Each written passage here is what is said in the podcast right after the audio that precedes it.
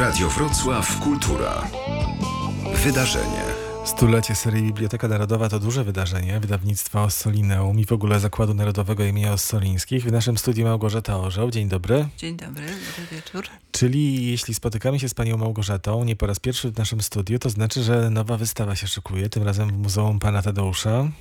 Tak, nowa wystawa, na którą już serdecznie zapraszamy wszystkich państwa. Wystawa wyjątkowa, bo y, zorganizowana dzięki znakomitej współpracy z y, ośrodkami kultury y, na Litwie, dokładnie w Wilnie, z bibliotekami, archiwum i z Pałacem Wielkich Książąt Litewskich. Robimy już w tej chwili drugą wystawę. Pierwsza była w Wilnie.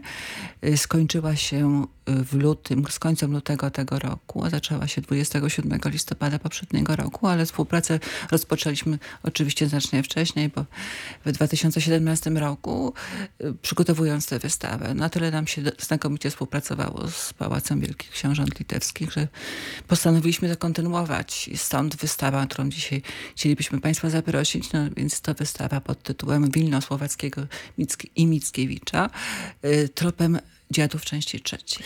No tak, właśnie pani Małgorzata e, napisała, e, powiedziała przed chwilą Wilto Słowackiego i Mickiewicza. W papierach jest Mickiewicza i Słowackiego, ale ja się wcale nie dziwię. Pamiętamy sprzed 10 lat bodajże chyba wystawę tę o Słowackim. Tak, Przewspaniałą, e, multimedialną, nowoczesną. tak, to była pierwsza, znaczy to była pierwsza taka w naszych w naszym, w naszym, w naszym zakładzie taka wystawa z multimediami y, no, z, z okazji okrągłej rocznicy y, urodzin i śmierci Juliusza Słowackiego. Y, przejęzyczyłam się z tego względu właśnie, że no to w tym roku właśnie mamy tam kolejną podwójną rocznicę urodzin i śmierci Słowackiego który jakoś tam gdzieś jest w cieniu Mickiewicza w gruncie rzeczy, prawda? A w Muzeum Pana Tadeusza oczywiście no, króluje Mickiewicz jako taki i będzie królował. Yy, no ale w, zbiorach, w zbiorach znajdują się przecież znakomite rękopisy Słowackiego. Jest ich bardzo wiele. Jest to największy zbiór rękopisów yy, Słowackiego yy, w, w, zachowanych, więc trudno byłoby, byłoby te rocznice pominąć. A Wilno tutaj jest takim momentem, w którym skrzyżowały się gdzieś drogi biografie właśnie mm, Mickiewicza i Słowackiego. I skrzyżowały się w takim dosyć dramatycznym momencie w gruncie rzeczy. I ten moment jak gdyby jest pierwszym e, takim pierwszą częścią jak gdyby wystawy, o której myśleliśmy, bo chcieliśmy pokazać Wilno jako bardzo e, prężny ośrodek e, kultury w pierwszej połowie, mm, właściwie w pierwszych 30 latach XIX wieku w czasach, kiedy studiował tam Mickiewicz i Słowacki. Obaj spędzili tam właściwie swoją młodość. Mickiewicz znacznie krócej tam było w czasie tylko studiów, a potem bywał w, w czasie swojej pracy nauczycielskiej w Wilnie. Odwiedzał swoich przyjaciół. No i oczywiście spędził tam w wileńskim więzieniu ponad sześć miesięcy. No pra to prawda, natomiast kiedy czytałem opis tej wystawy, ten pierwszy lit, że tak powiem, wystawa opowiada o wileńskim procesie filomatów i filaretów 1823-24. Wydarzenie, które zaważyło na losach i twórczości Mickiewicza. Mickiewicz musiał wyemigrować e, wtedy i Juliusza Słowackiego. Obaj poeci swoją młodość spędzili w Wilnie. Taki jest ten lit dokładnie. -hmm.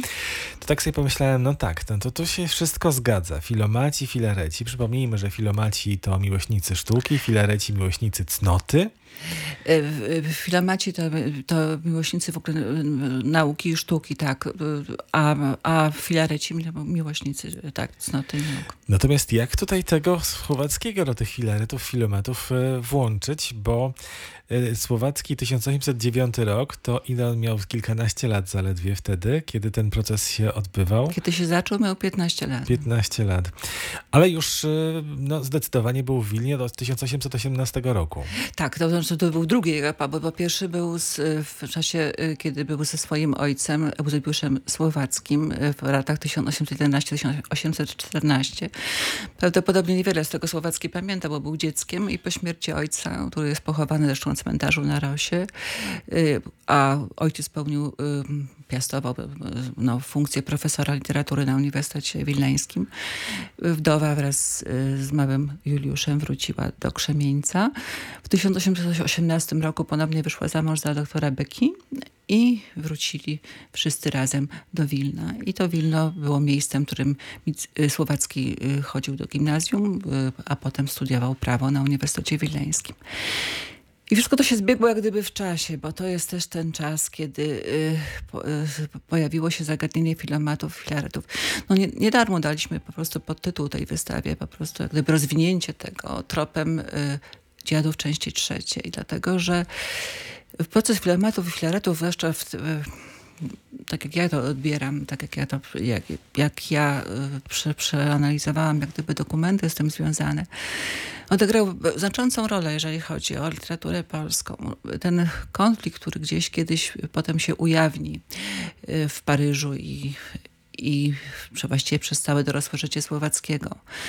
Y, on dziś miał swoje korzenie właśnie w, w tym okresie wileńskim. Oczywiście y, Mickiewicza Słowackiego dzieliło 11 lat, właściwie więcej, nie, 11, dobrze. 11. Dobrze, już ja zawsze mam kłopoty z odejmowaniem.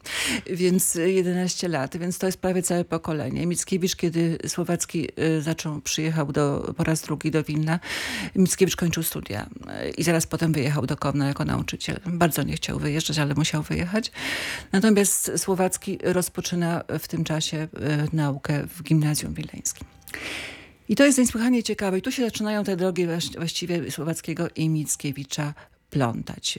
Pierwsze plątanie tych dróg to było, to było w momencie, kiedy Mickiewicz, młody Mickiewicz, już jako początkujący poeta, y, no, bywa w salonie państwa Beki.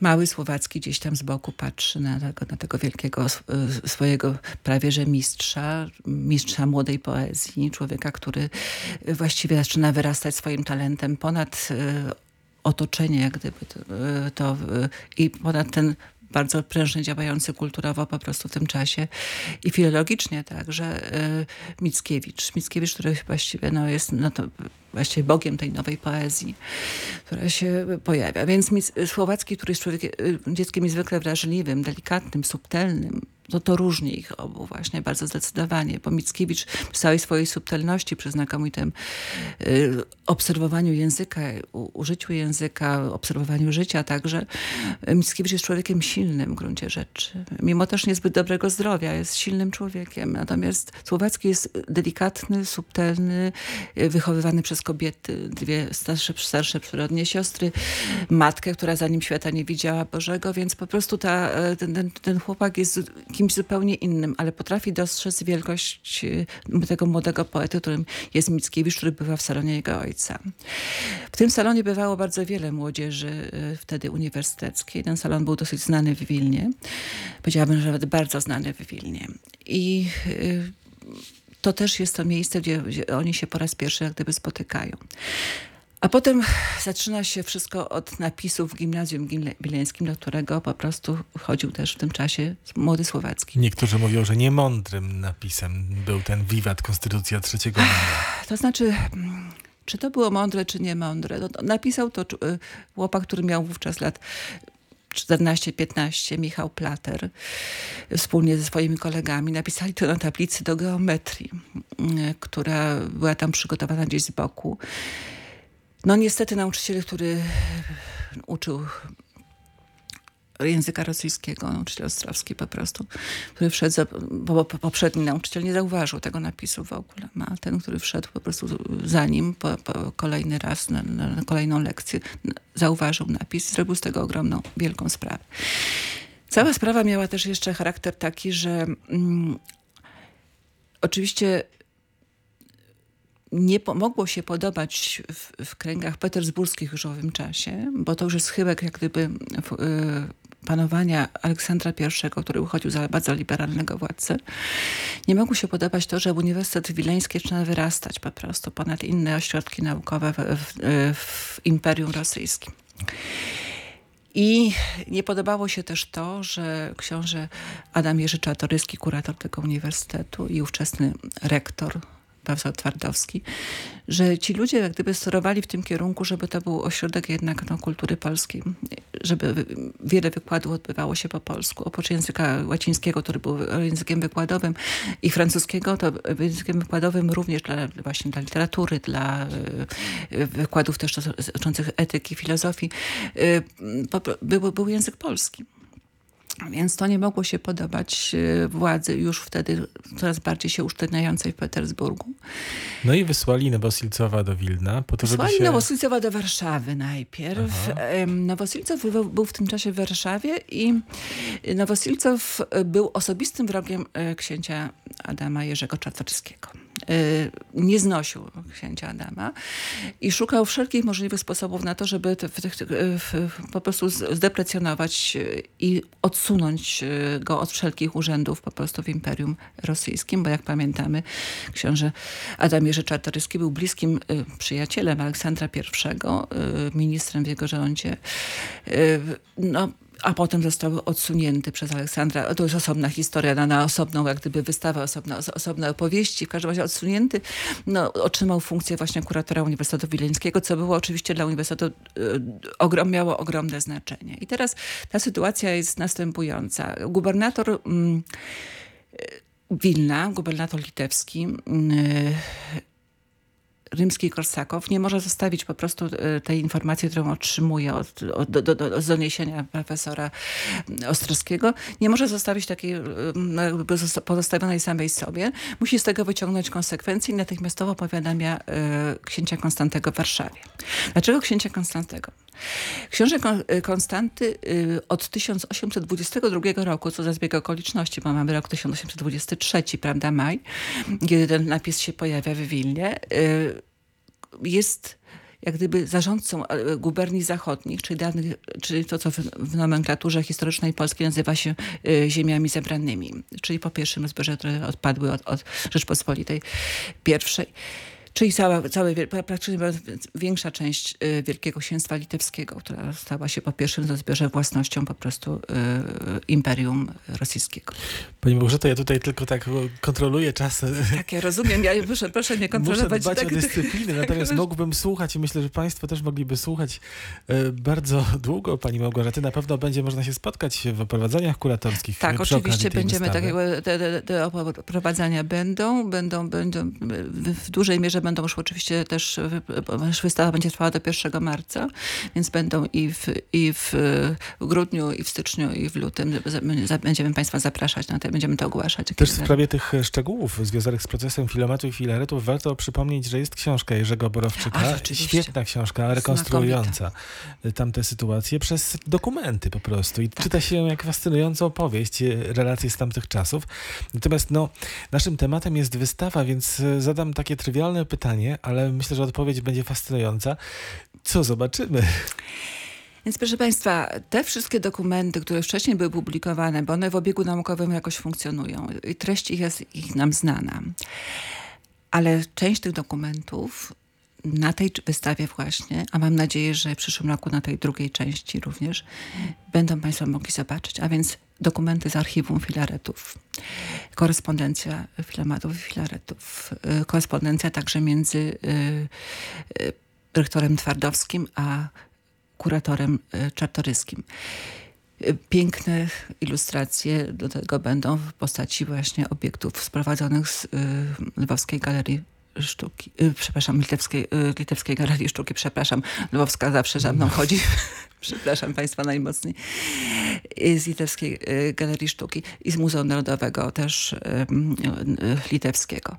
Więc będzie, będzie, może tych obiektów nie ma aż tak bardzo wiele, dlatego że ta, wyłuskaliśmy, jak powiedziałam, ten temat taki, żeby był takim tematem bardzo no, takim spójnym, a też ważącym w, w, w tych, tych, tych relacjach między Słowackim a, a Mickiewiczem. No i to, co, na co też bardzo liczę, to przygotowaliśmy na podstawie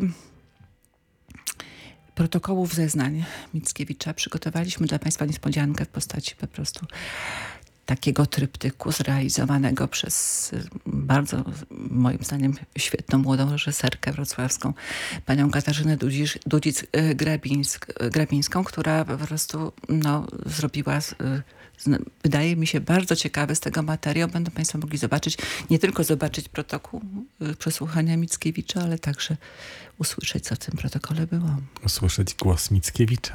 No, powiedzmy no, imaginacyjny, ale oczywiście tak, będziemy mogli to usłyszeć. Bardzo się z, tego, z tej wystawy cieszę i ten trop dziadów w części trzeciej jest tutaj też ważnym e, wątkiem, bo w latach 30., kiedy te dziady powstały, Mickiewicz wrócił do tych czasów swoich wileńskich i to jest właśnie to środowisko filomatów, filaretów. Tak, to jest to środowisko filomatów i filaretów. Bardzo dokładnie zostało to wszystko opisane w, właśnie w, w, części tej mm, i w części zwłaszcza dramatycznej, zostały bardzo opisane, dokładnie opisane właśnie to, co Mickiewicz przeżył. Bo chciałam Państwu też jeszcze powiedzieć, że y, postanowiliśmy oddać jak gdyby głos świadkom na tej wystawie, a więc będą tam też komentarze pamiętnikarzy z tego okresu, ludzi, którzy wspominają, ale także uczestników samego procesu. Mickiewicz był uczestnikiem tego wszystkiego, był świadkiem tego wszystkiego. To, co opowiada w Dziadach y, części trzeciej jest y, no, w dużej mierze prawdą historyczną, aczkolwiek nie do końca, ale oczywiście jest to przetworzone, jest to, jest to, jest to y, przekształcone, w, w, ale te zdarzenia rzeczywiście miały, miały miejsce. Bohaterowie też są rzeczywiście. I to jest też bardzo istotne i bardzo ważne, bo to są ludzie, którzy, to była młoda inteligencja wileńska, która uderzono, która została rozproszona. No i to było to jedno z tych najważniejszych pokoleń w polskiej historii, które rzeczywiście coś chciało zmienić. No nie dane im było, ale no, pojedyncze potem e, jednostki okazuje się, że to, to zrobiły, tylko trzeba było na wynik, na rezultat poczekać. To znaczy to jest troszeczkę tak, że ja myślę, że sytuacja historyczna, sytuacja w danym momencie wymusza na nas pewne postawy. Nikt z nas nie wie, jakby się będzie zachowywał, gdyby przyszło co, y, do jakichś rzeczywiście wyjątkowych... Tu przypomnijmy, że Mickiewicz spędził y, w klasztorze aż no, kilka miesięcy. Tak, ponad 6 miesięcy, bo, bo, został uwięziony 24 października 1823 roku, a uwolniony za poręczeniem Joachima Lelewela 21 kwietnia 1824 roku, więc całą tę zimę właśnie spędził, spędził właśnie w więzieniu. No, jest to bardzo ciekawe, jak też pamiętnikarze widzą ten, ten, ten, ten czas, kiedy Mickiewicz i Filareci spędzili, Mickiewicz i Filareci spędzili w więzieniu. To jest też ciekawe, w jaki sposób ten proces oddziaływał po prostu na, na nich wszystkich w dalszych kolejach ich losu. Y, I to Mickiewicz i Domejko, jak gdyby, którzy znaleźli się w Paryżu i Słowacki, który w tym oczywiście nie uczestniczył, ale też na tej emigracji się znalazł, oni byli w zupełnie innej sytuacji niż ci, którzy po prostu, tak jak Zan czy Czeczot, wzięli na siebie po prostu e, całą winę za właściwie no, na dobrą sprawę nie wiadomo za co. Aczkolwiek muszę powiedzieć, że się te dokumenty bardzo wnikliwie czyta to, to, y, linia obrony, jaką przyjęli filareci i filomaci, bo przyjęli taką linię obrony, spodziewając się aresztowań, y, przyjęli taką linię obrony, która mówiła o tym, że to były stowarzyszenia tylko i wyłącznie, towarzystwa tylko i wyłącznie naukowe, poświęcone właśnie badaniom jak gdyby naukowym, rozwojowi własnemu, nauce i tak dalej. Większość tych, y, to byli ludzie dosyć ubodzy, więc te takie te stowarzyszenia były, były dla nich, były dla nich także potrzebne od tej strony. To jednak myślę, że Nowosilcow i jego komisja śledcza, którą powołał, no nie do końca w to wszystko wierzyła, nawet na pewno nie wierzyła i myślę, że y, trochę racji w tym było, że to było takie budowanie jak gdyby przyszłych pokoleń dla przyszłej przyszłej, niezbyt do końca znanej i jasnej przyszłości Polski, także jako takiej. Małgorzata Orzeł, Zakład Narodowy im. Solińskich, Muzeum Pana Tadeusza. Kolejna wystawa y, no, związana z okresem romantyzmu. Druga część mówi pani za jakiś czas, następnym tak, roku. Tak, myślę, że w, przyszłym roku będziemy to kontynuować. Mamy taką wolę ze strony też litewskiej po prostu, to, na czym nam bardzo oczywiście zależy. Tu chciałam też podziękować wszystkim naszym kolegom z, z, Wil, z Wilna, którzy z Biblioteki Uniwersyteckiej Wileńskiej, z Biblioteki Wróblewskich, y, Litewskiej Akademii Nauk, z Państwowego Archiwum y, Historycznego w Wilnie. No, tych instytucji jest bardzo dużo, które, nam, które nas wspomogły, które nam pomogły, udostępniły nam wszystkie materiały. Bardzo Pani dziękuję, Pani Małgorzato. Widzimy się na wystawie, drodzy Państwo, od 8 listopada do 1 marca 2020. Wstęp jest wolny na tę wystawę do Muzeum Pana Tadeusza.